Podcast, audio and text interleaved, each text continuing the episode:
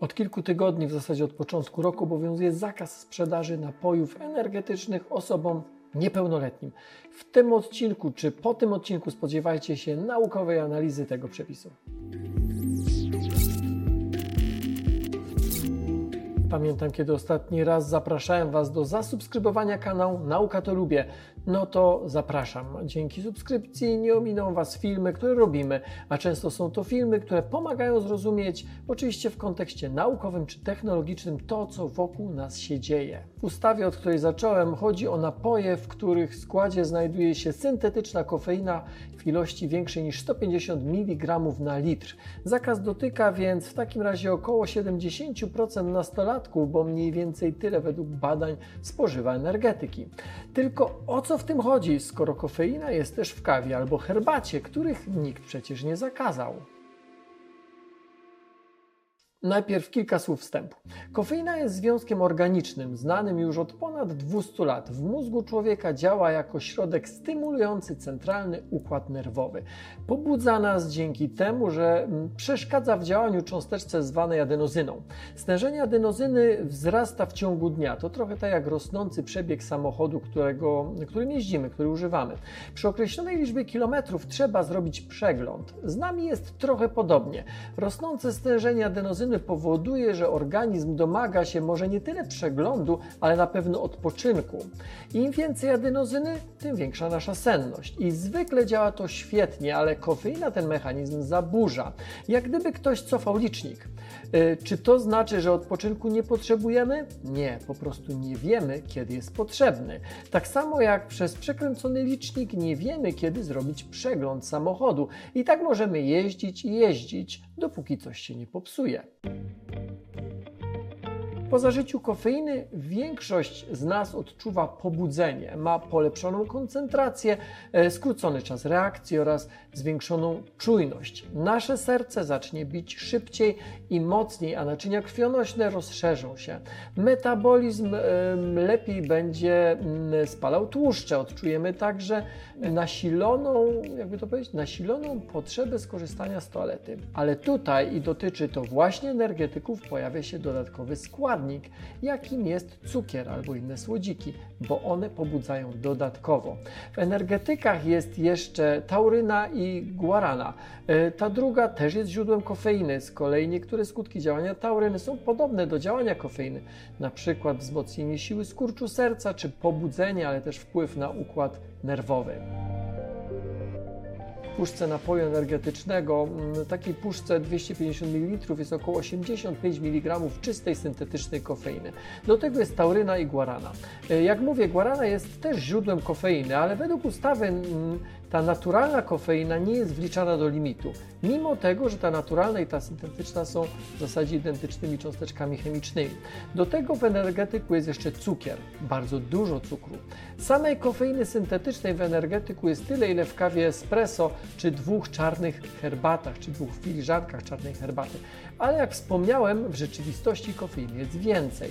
Według badań przeprowadzonych w 2015 roku przez Europejski Urząd do Spraw Bezpieczeństwa Żywności, bezpieczną dawką kofeiny dla zdrowej, dorosłej osoby jest 400 mg, ale rozłożone na całą dobę. U dzieci i młodzieży ta sprawa wygląda inaczej. E, spożywanie 2,5 mg kofeiny na 1 kg masy ciała jest bezpieczną granicą. Dla przeciętnego 13-latka o wadze mniej więcej, o masie mniej więcej 50 kg wychodzi nam więc limit około 125 mg. Choć już na przykład Amerykańska Akademia Pediatryczna zaleca nieprzekraczanie 100 mg dziennie dla dziecka albo dla nastolatka, czyli 4 razy mniej niż dla osoby dorosłej.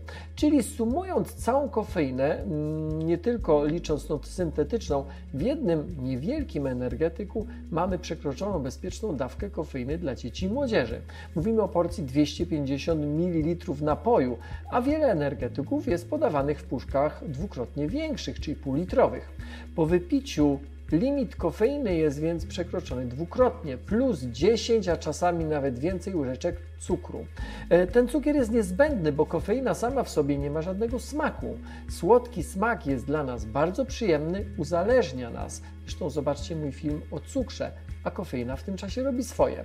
Cukier aktywuje system nagrody w mózgu, e, co prowadzi do uwalniania dopaminy, przekaźnika związanego z przyjemnością i właśnie nagrodą.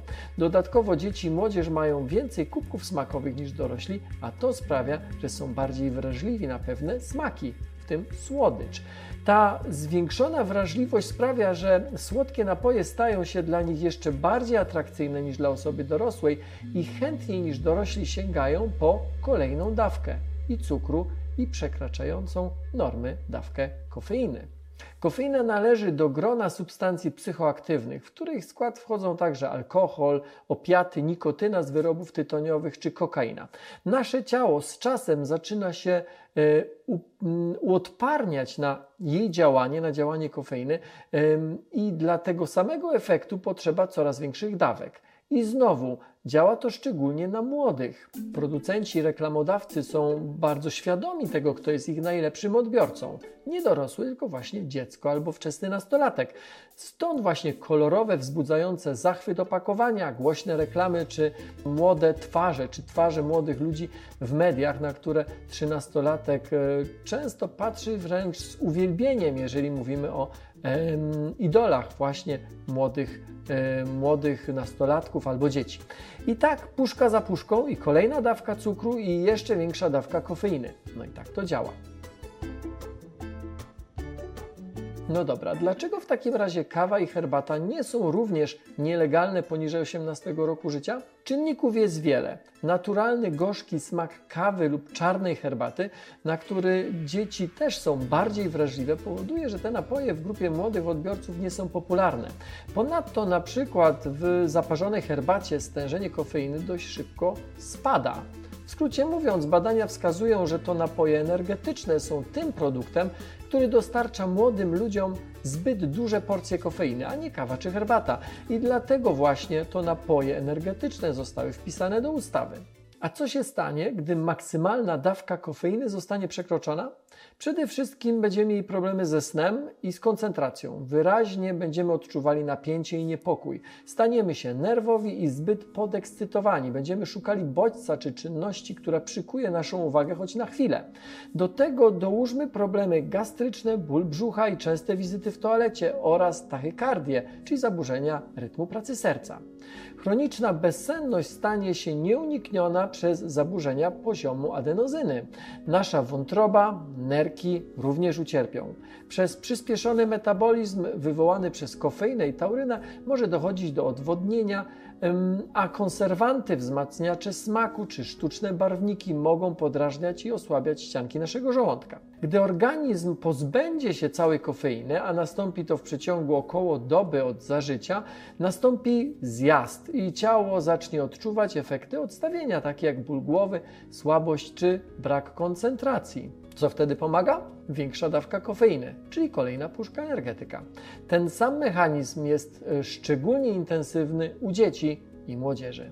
Jednorazowe przedawkowanie nie zaszkodzi naszemu organizmowi, ale przy długotrwałym spożywaniu napojów energetycznych efekty będą zdecydowanie drastyczniejsze. Kofeinizm, czyli e, uzależnienie od kofeiny, niesie z sobą wiele problemów, szczególnie wśród osób młodych. Z badań wynika, że napoje o wysokiej zawartości kofeiny mogą powodować zaburzenia rozwoju układu nerwowego. Inne badania, jak zawsze, jak powołuje się na jakieś badania, e, to w opisie do filmu znajdziecie do nich linki. Więc inne badania wskazują, że przedawkowanie czy nadmiar kofeiny wpływa negatywnie na funkcje poznawcze dzieci, e, takie jak na przykład pamięć robocza czy zrozumienie słownictwa. W 2018 roku w badaniach przeprowadzonych na Uniwersytecie Zachodniej Virginii, badaniach z udziałem amerykańskich dzieci z terenu kilkudziesięciu, ile dobrze pamiętam, szkół czy ośrodków dla młodzieży, wykazano, że nadużywanie kofeiny w wieku szkolnym predysponuje do wczesnego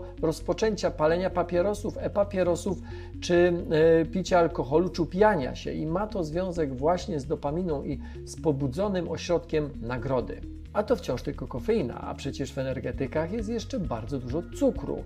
Nadmierna jego ilość przyczynia się do rozwoju próchnicy i może wytworzyć insulinooporność, zwiększając tym samym ryzyko cukrzycy typu drugiego, a przy okazji uszkadzając nasze nerki. E, Równie groźne mogą być problemy z sercem i układem krążenia.